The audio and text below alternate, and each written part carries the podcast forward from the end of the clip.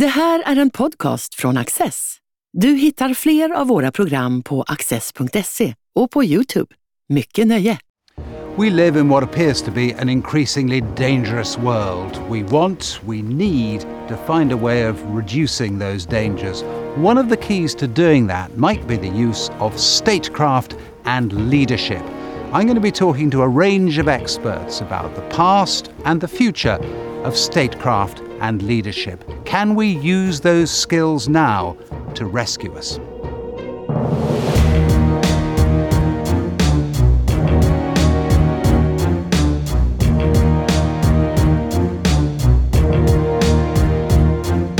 Kristin Ven Bruusgaard is director of the Norwegian Intelligence School and an affiliate at the Oslo Nuclear Project at the University of Oslo. 70 years after the ascendancy of nuclear weapons, the risk of their use in great power conflicts seems to us to be larger than ever. She and I have been discussing the rising nuclear risk. There's a lot of loose talk at the moment about the use of nuclear weapons. Give us the facts as you see them. How close are we to nuclear weapons being used, and, and, and what are the various guardrails that are and are not still in place? So Russia has uh, an official policy when it comes to nuclear weapons use uh, that most people use as some kind of guidance with regard to understanding uh, what the Russian calculus looks like in the Ukraine war and what the likelihood is for nuclear weapons use in the Ukraine war. And that official policy uh, that Russia has uh, had as official policy for 20 years uh, basically states that Russia would only use nuclear weapons in wars that are existential, that would threaten the very existence of the Russian state. Uh, and most analysts will say that this conflict, this war in Ukraine, is not that kind of war. And several Russian officials have also posited that and repeated that official policy in the context of the Ukraine war. But then we've had a number of other statements as well from the Russian side that have caused um, speculation, uncertainty, and of course, a significant level of concern with regard to whether this is actual Russian policy, whether they would consider changing it in the current context and in the current uh, contingency that they're facing in Ukraine. Does the movement of nuclear weapons into Belarus suggest to you any kind of profound or meaningful change of, of, of that policy? I mean, the movement of nuclear weapons into Belarus would suggest a significant change in Russian nuclear policy because Russia has traditionally not placed its nuclear weapons on the territory of other states. So, in that sense, it's a significant change. Whether it significant, whether it represents a change with regard to the potential for Russian nuclear weapons use is a different question. And I think that my response to that question would be no. It doesn't necessarily increase the likelihood that Russia would use nuclear weapons in Ukraine. It's a very potent signal to the West, primarily, with regard to uh, how important nuclear weapons are for Russia, and with regard to a key Russian grievance in the nuclear policy domain that Russia's had for many years, which is uh, the fact that uh, the United States has positioned its nuclear weapons on the ter territory of other states uh, in NATO in Europe. Um, so, in that sense, uh, my understanding of this Russian move has been primarily a political one uh, with regard to positioning itself uh, in its uh, conversation, if you will, with the West. Who takes the nuclear decisions in Russia, insofar as we can know this? In other words, if Putin made a decision, is there anyone who could countermand it, who could challenge it in any meaningful way? Mm. There is uh, there is some uncertainty regarding this issue. There is a limited amount of information available on this issue in the open domain, but the information that is available suggests that only Putin can make the authoritative decision with regard to nuclear weapons use, but also that he would have to consult with uh, his chief of the general staff uh, and also with his defense minister. So the Russians have something called a nuclear suitcase. In the US context, they talk about a, a, nuclear football. In the Russian context, they talk about a nuclear suitcase. And that there exists three such suitcases. These are suitcases that contain a communication system that enables them to issue a command to use or launch nuclear weapons. And the information that is available suggests that uh, two out of those three suitcases uh, that are supposed to be with President Putin at all times, with the G General Staff Chief, uh, Valery Gerasimov, and the Minister of Defense, Sergei Shoigu, two of those three suitcases will have to be involved in order to issue a nuclear launch. At least that's the information that's available. But there is a lot of things that, it, that there is not available information on with regard to uh, which two of the three. It seems evident that the president's suitcase has to be involved, but whether there are any uh, opportunities for um, overriding his order in this system, those are the kinds of questions that are uh, less certain, about which there is less information available, basically. Another thing you see very loosely talked about is, is the use of, of short range nuclear weapons. Mm-hmm. Um, is, that, is there a useful distinction to be made between the use of a short range nuclear missile in the theatre in Ukraine and a, a wider uh, conflict or a wider um, uh, attack, or, or, or, are the two so inextricably linked that it's, it's not a wise path to go down? I mean, uh, there is. They are indistinguishable in the sense that the underlying technology is the same. These are all nuclear weapons, and nuclear weapons are distinct from conventional weapons. They are much more powerful, they will inflict a much greater level of damage. But having said that, the reason um, we talk about strategic and non strategic weapons or uh, relate to their range, that is, how far they can travel, uh, which is the reason some people will call uh, sub-strategic nuclear weapons short-range mm. nuclear weapons, like you now do, and mm. other people call them tactic- tactical nuclear weapons. They can traditionally travel shorter distances than the strategic nuclear weapons, uh, and they can traditionally also have a lower nuclear yield, so uh, a lower explosive power basically than the nuclear weapons that travel longer. But there is some flexibility involved here because these days a number of the nuclear armed states have nuclear warheads that can be adjusted in, with regard to their yield.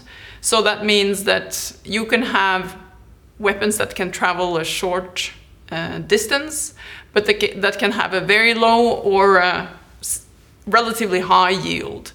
So these short-range weapons uh, that many talk about in the Russian context, but also in the context of other countries, they can have a yield that range from something that is quite a lot smaller from from what uh, was seen in Hiroshima, for example, mm.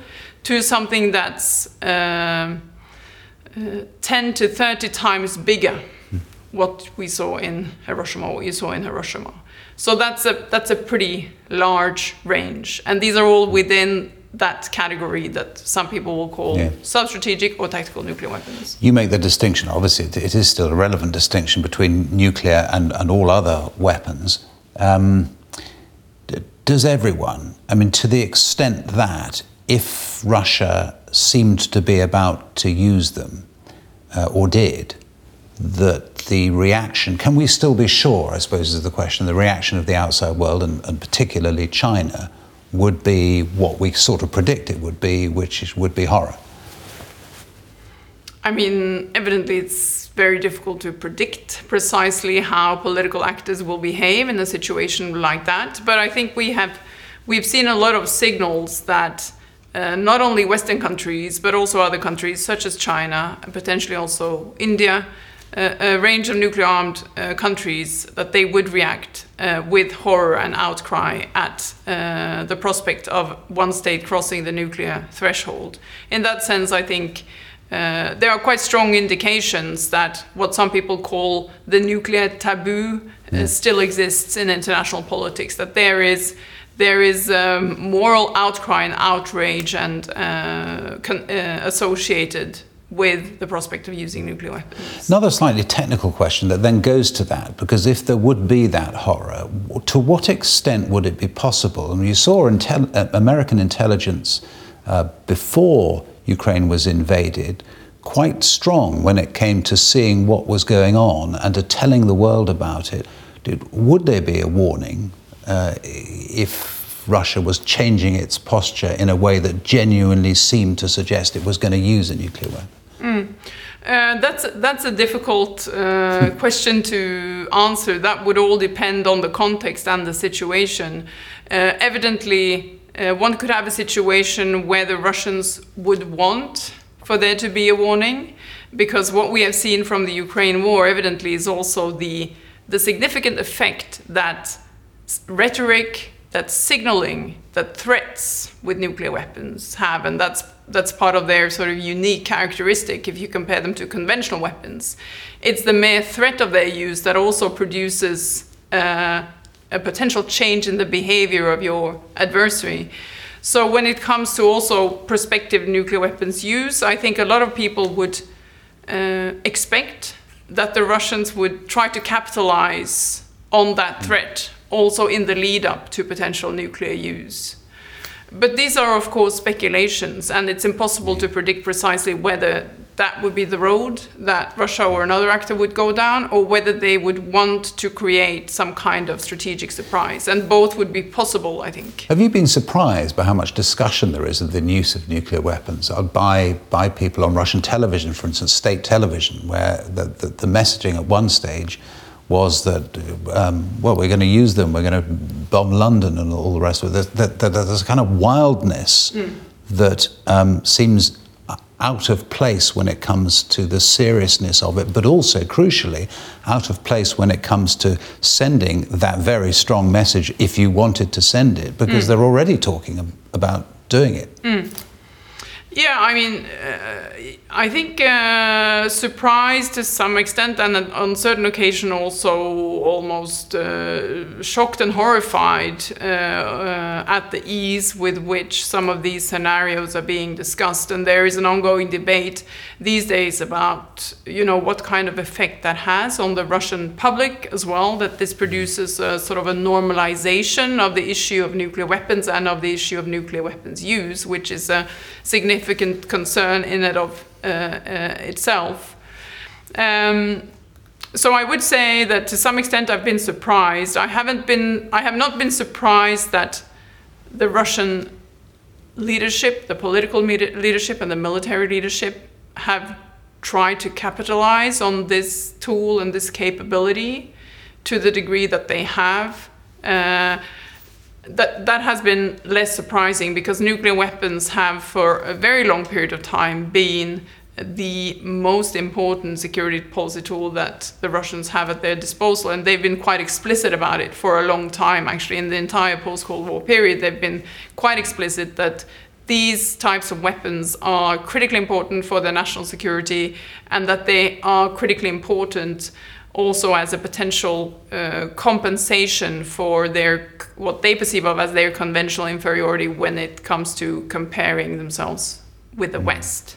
And then they thought, of course, that when they compare themselves to the Ukrainians, that would they would come out in a more beneficial position than they have been able to. Yeah. Where does Ukraine, uh, and, and, more widely, where does the kind of renewed conflict uh, with Russia and potentially with China, where does it leave nuclear weapons more widely as, as we think of them as being designed to and successful at, to an extent, keeping the peace? There have mm. been many, many wars and many deaths since the Second World War, but, but not that big um, geo conflict.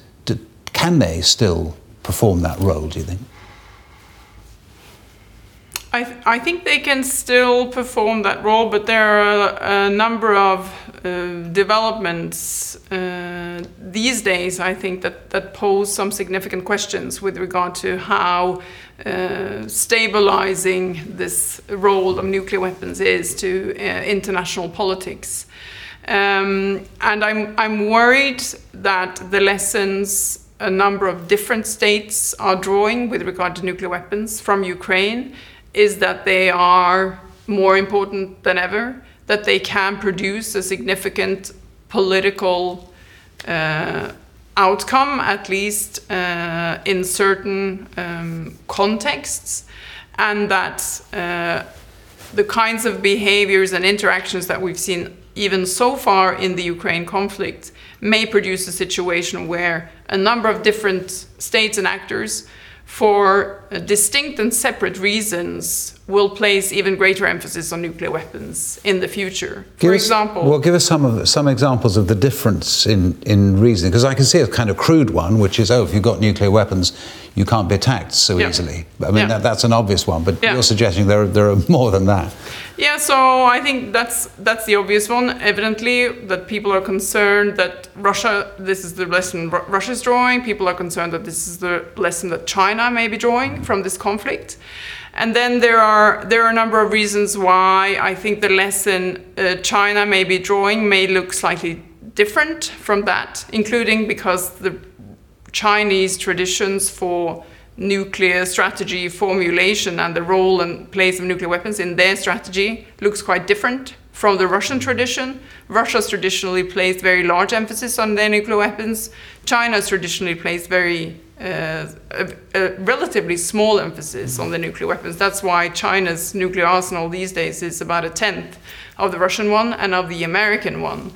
So the Chinese are, they've placed greater emphasis on developing other types of military technologies that they believe um, may be more useful for uh, coercion, for forcing an adversary to submit to their uh, demands. Uh, but maybe they are drawing other types of lessons with regard to how you can use different types of military technologies to coerce, to place uh, pressure on, uh, to threaten a potential adversary. I think uh, Western states, such as the United States, other uh, Western countries with nuclear weapons, uh, and NATO as an alliance, they are drawing different conclusions from the Ukraine war. They are drawing conclusions that relate to Russia as an adversary that places such a great emphasis on nuclear weapons, and they're anticipating that Russia will focus even more on nuclear weapons in the future. That means that NATO and the United States um, believe that nuclear weapons will have to play at least as important a role in their strategy in the future, if not an even more important role, because most countries still believe that nuclear weapons are the most effective deterrents of nuclear deterrent of nuclear weapons use. And then there are other countries, uh, such as, for example, potential proliferators, that is, countries that may want to uh, acquire nuclear weapons. The lessons they will be drawing from this conflict is that, first of all, it may be a good idea to have nuclear weapons because that may deter a potential adversary from attacking you. Secondly, that if you do have nuclear weapons, like Ukraine uh, once had on their territory, it's not a good idea to give up those nuclear weapons. So this is all. This is all a, a, a number of uh, or a set of bad news for for everyone who's worried about the spread of nuclear weapons, the proliferation of nuclear weapons to, to even more states, which is a pressing issue in several different regions of the world. Yeah, well, I was going to ask you that. What what is the global position now when it comes to those efforts, those those anti-proliferation efforts? I mean, there are there are ongoing efforts with regard to uh, producing a global ban on nuclear weapons, and uh, those efforts have made significant uh, progress with regard to having a number of states that have signed on to this ban. But uh, one of the challenges being that the countries that do have nuclear weapons have not uh, expressed any interest at all. Uh, in this uh, political initiative, and that, of course, uh, places some significant limitations on how much political outcome can actually be produced by such an uh, initiative. And then there are also uh, some challenges, uh, or at least a number of people uh, raise uh, questions with regard to whether those types of initiatives may be uh, undermining or whether they can be complementary to the existing non-proliferation regime, including the non-proliferation uh, treaty that that uh, most states are working uh, relatively hard to try and preserve and revitalize, but but it's it's constantly being challenged by these uh, different uh, initiatives and uh, diverse interests of the nuclear armed states. What is the state of that treaty at the moment? Because that's the central one that people think about, the Nuclear Proliferation Treaty. Uh, and exactly as you say, they think about the challenges to it as well. What, mm. what, what, what, work is being done behind the scenes, if you like, to, to try to keep it in place and adhered to? Uh, some of the key um, initiatives in the context of the Non-Proliferation Treaty and the, the Permanent Five, which is the UN Security Council, the permanent UN Security Council members uh, that are uh, signatories to the treaty, uh, was uh, to produce this statement a couple of years back now, with regard to how that expressed or um, repeated uh, the uh, statement made by Reagan and Gorbachev regarding uh, nuclear wars and how they could not be won and must never be fought. And this was, uh, to some extent at least, a major um, a major win uh, for that deliberation within the permanent uh, five and within the context of the non-proliferation treaty as, as there had been a, a lack of uh, progress in those negotiations for some uh, time. But I think my impression is, uh, without knowing all the detail of the, of the sort of inner workings of the, those negotiations, my impression is that it is a it is a regime that is uh, under significant uh, pressure and that uh, that um, where uh, significant work will be needed in order to make sure that this uh, regime actually survives mm. in an era when a number of the treaties and regimes that ensure uh, disarmament or uh, prevent uh, rearmament are being challenged, evidently. Does the re uh, emergence of NATO, if I can put it like that, does the fact that so many NATO countries are now thinking, goodness, this is an alliance that's terribly important and we're going to have to fund it properly in the future, etc., does that assist in a way in that? Because it, it focuses people's minds more on the potential of conflict between the great powers and that very focusing of the mind makes people concentrate on this kind of issue in a way that, in a sense, we, we just felt the nuclear issue had slightly gone away. I think so, certainly, uh, and particularly so in the in the regional context in in Europe and in the transatlantic context of NATO. I think, you know, certainly uh, the current situation uh, has produced, in many ways. Uh, a you know a very different debate from what we've had in the past decade in the transatlantic context, where a number of people have been interested in revitalizing that debate and you know where there have been constant pressures also uh, from the US towards European allies to uh, take greater part in burden sharing to increase defense spending etc evidently the current situation is is placing us in an entirely uh, different place with regard to that uh, debate I think that discussions are still ongoing in European countries with regard to um, how and when uh, a number of promises that have been made will actually be realized and whether or not it's realistic. Evidently, it's those are uh, there exists a number of economic constraints and political constraints, and there are questions with regard to you know the long-term commitment to uh, this type of uh, uh well, basically what we are talking about is rearmament. And then there are all types of questions related to uh, how those efforts to build up a larger European military force uh, can be reconciled with you know future visions of a European security order that in some way or form will have to take into account the fact that Russia also exists as part of the European continent. Yeah, and, and that's a really important point, isn't it? As part of the European continent, and also it will be, we mm. assume, uh, nuclear armed. Mm-hmm. Uh, and, and, and that kind of that's the underlying fact in a way, isn't it? That we're going to have to deal with for, for well generations to come, so far as we can see. Yeah, and this this is one of my my concerns as well that uh, that the the political uh, and military changes and measures that are now that are now being taken uh, on both sides of the fence, really, uh, both on the NATO side but also on the Russian side, are measures that will uh, continue. They are shaped by our current security environment, but they will shape uh, the European future for a long time, and that uh, the position that we will that we will produce uh, with what I can only conceive of as uh, sort of a new iron curtain in Europe with regard to rearmament and military dispositions, that that will be a situation that it may be quite difficult to get out of, even for a future or a potentially future Russian political leadership that may look quite different from what it uh, looks like uh, now. I think mm. it may be difficult to convince uh, such a leadership that a rearmed Europe and a rearmed NATO has benign intentions vis-à-vis Russia, and similarly uh, vice versa.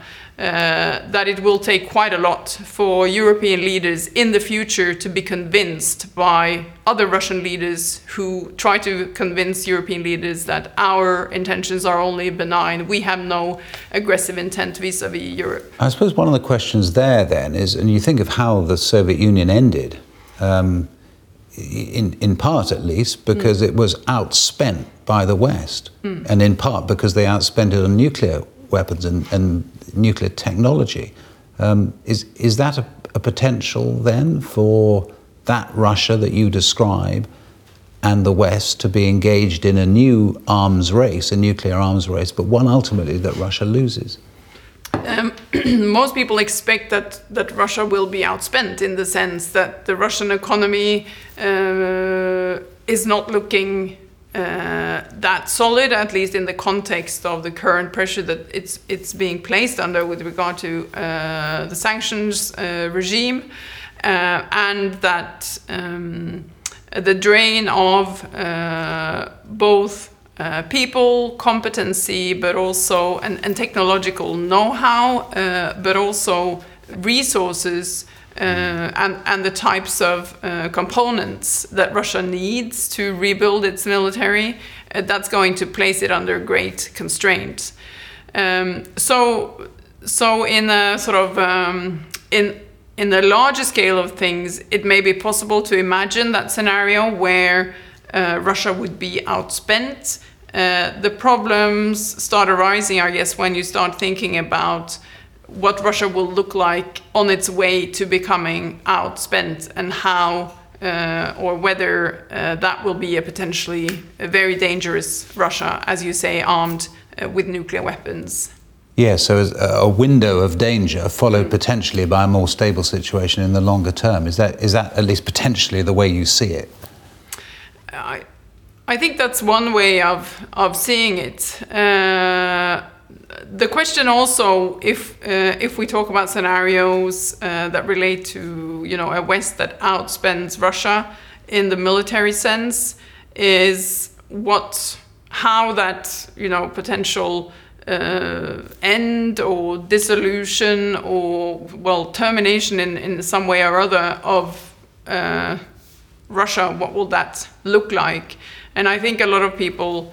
Um, would surmise that the peaceful dissolution of the Soviet Union was not necessarily a, a historical predicament. It could have evolved and developed in, in quite distinct and, and different ways than, than it did. So I think there are a number of um, challenges that would arise along that entire trajectory from the current point in time and through you know, uh, some kind of political transformation in uh, in Russia. I don't think we should. Uh, um, I don't think we should be sitting around waiting for a complete political transformation in Russia that will produce a country that looks entirely like ours. Kristin Ven Bruusgaard, thank you very much. Thank you.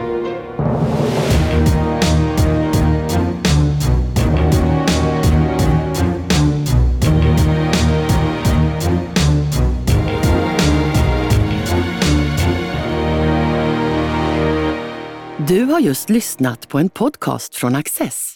Du vet väl att vi också är en tv-kanal och tidning? Teckna en prenumeration idag på access.se.